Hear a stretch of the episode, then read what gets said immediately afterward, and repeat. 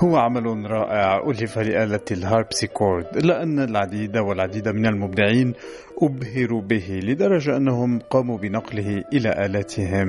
من الآلات المنفردة كالأكورديون إلى موسيقى الحجرة كالثلاثي ووصولا إلى عالم الأوركسترا الرحب. الحلقة الخامسة والأخيرة حول عمل الفاندانجو للمؤلف الإسباني أنطونيو سولير.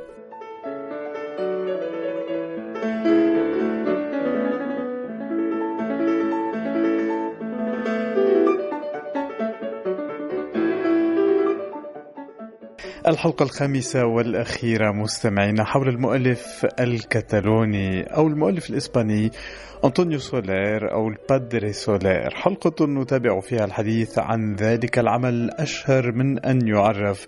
أشهر عمل قام بتأليفه أنطونيو سولير ألا وهو عمل الفاندانجو لمن تابعنا الأسبوع الماضي كنا قد تحدثنا عن نوع الفاندانجو وهي رقصة ثلاثية الإيقاع رأت النور في أمريكا الجنوبية قبل أن تنتقل إلى البرتغال وإسبانيا. وإحدى أقدم رقصات الفاندانجو تعود إلى عام 1705 تحديدا قبل أن تعرف انتشارا واسعا خلال القرن الثامن عشر ضمن الطبقة الأرستقراطية لتستخدم في أنواع موسيقية كالتونادياس والزارتسويلاس والبالي والأوبرا وليس فقط في إسبانيا وإنما في أوروبا بشكل عام. ولكن لم توازي شهرة هذه الأعمال شهرة الفاندانجو الذي ألفه أنطونيو سولير ليرتبط. اسم الفاندانجو باسم البادري سولير. وكما تذكرون فكنا الأسبوع الماضي قد استمعنا إلى بعض المقتطفات من هذا العمل الرائع لآلة الهاربسيكورد والذي ينتهي بشكل فيه الكثير من الاحتفال.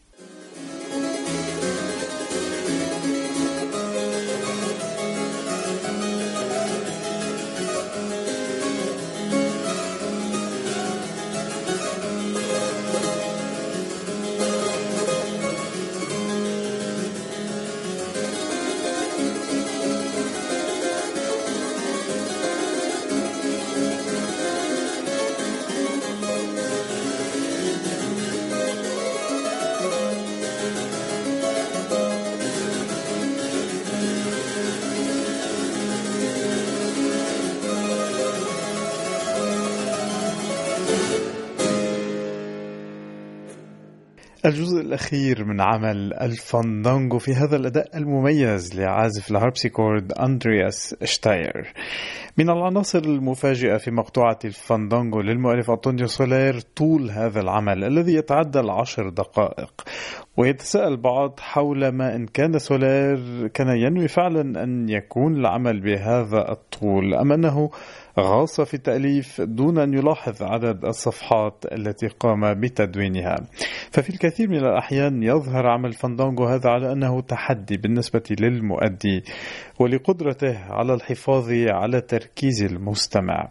وهنا تظهر خاصة أخرى من خصائص بادري سولير وهي أنه لم يكن فعلا يؤلف وفقا لما يطلبه أو يتمناه المستمع وإنما كان يؤلف بكل حرية ووفقا لما كان يشعر به ووفقا لمخيلته ورؤاه.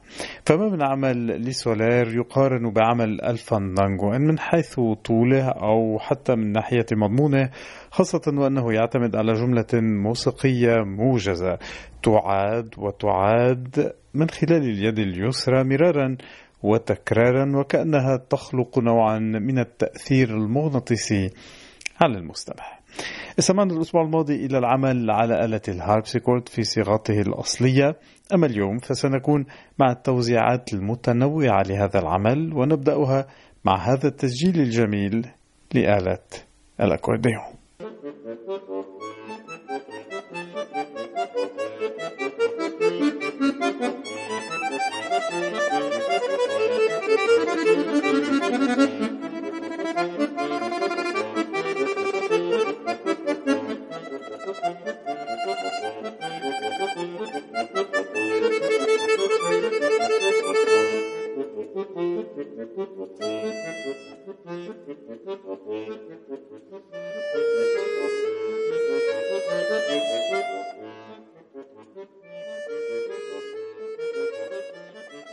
مقتطف من هذا التسجيل الجميل جدا لعمل الفاندانجو لأنطونيو سولير.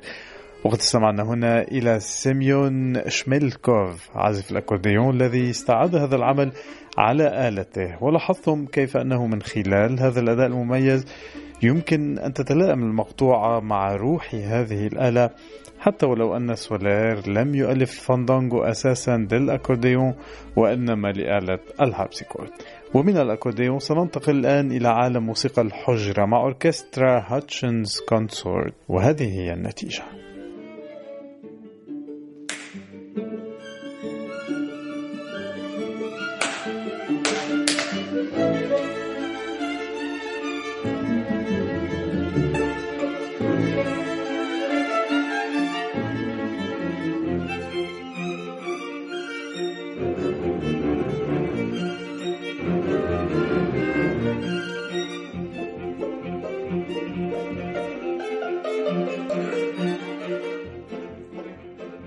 مقتطف آخر من الفاندانجو الفاندانجو الشهير من تأليف البادري سولير واستمعنا هنا إلى رؤية مجموعة الهاتشنز كونسورت لهذا العمل في توزيع يخرج عن العمل الأصلي الذي كتبه سولير لآلة الهاربسيكورد. ومن الآلة الوترية ننتقل الآن إلى عالم الأوركسترا الواسع وهذا التوزيع الرائع.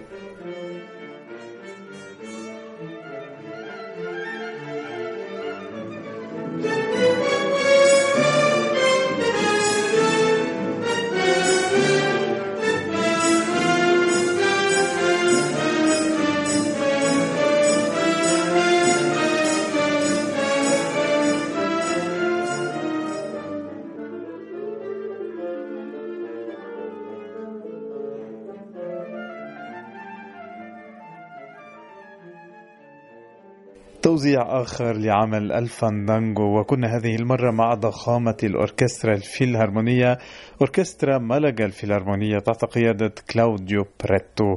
ونحن دائما مستمعين مع هذا العمل الرائع عمل الفاندانجو للبادري سولير الذي نخصص له هذه الحلقة الرابعة والأخيرة. على التوالي. وتحديدا نهاية هذه الحلقة ستكون مع العمل نفسه ومع توزيع فيه من الحميمية. توزيع لثلاثي ضم آلة فلوت وآلة فيولا دا جامبا وهي الآلة التي مهدت لوصول تشالو إضافة إلى آلة الجيتار. وفي هذا التسجيل تذكير صريح بميزة وجمال وروعة الموسيقى الإسبانية.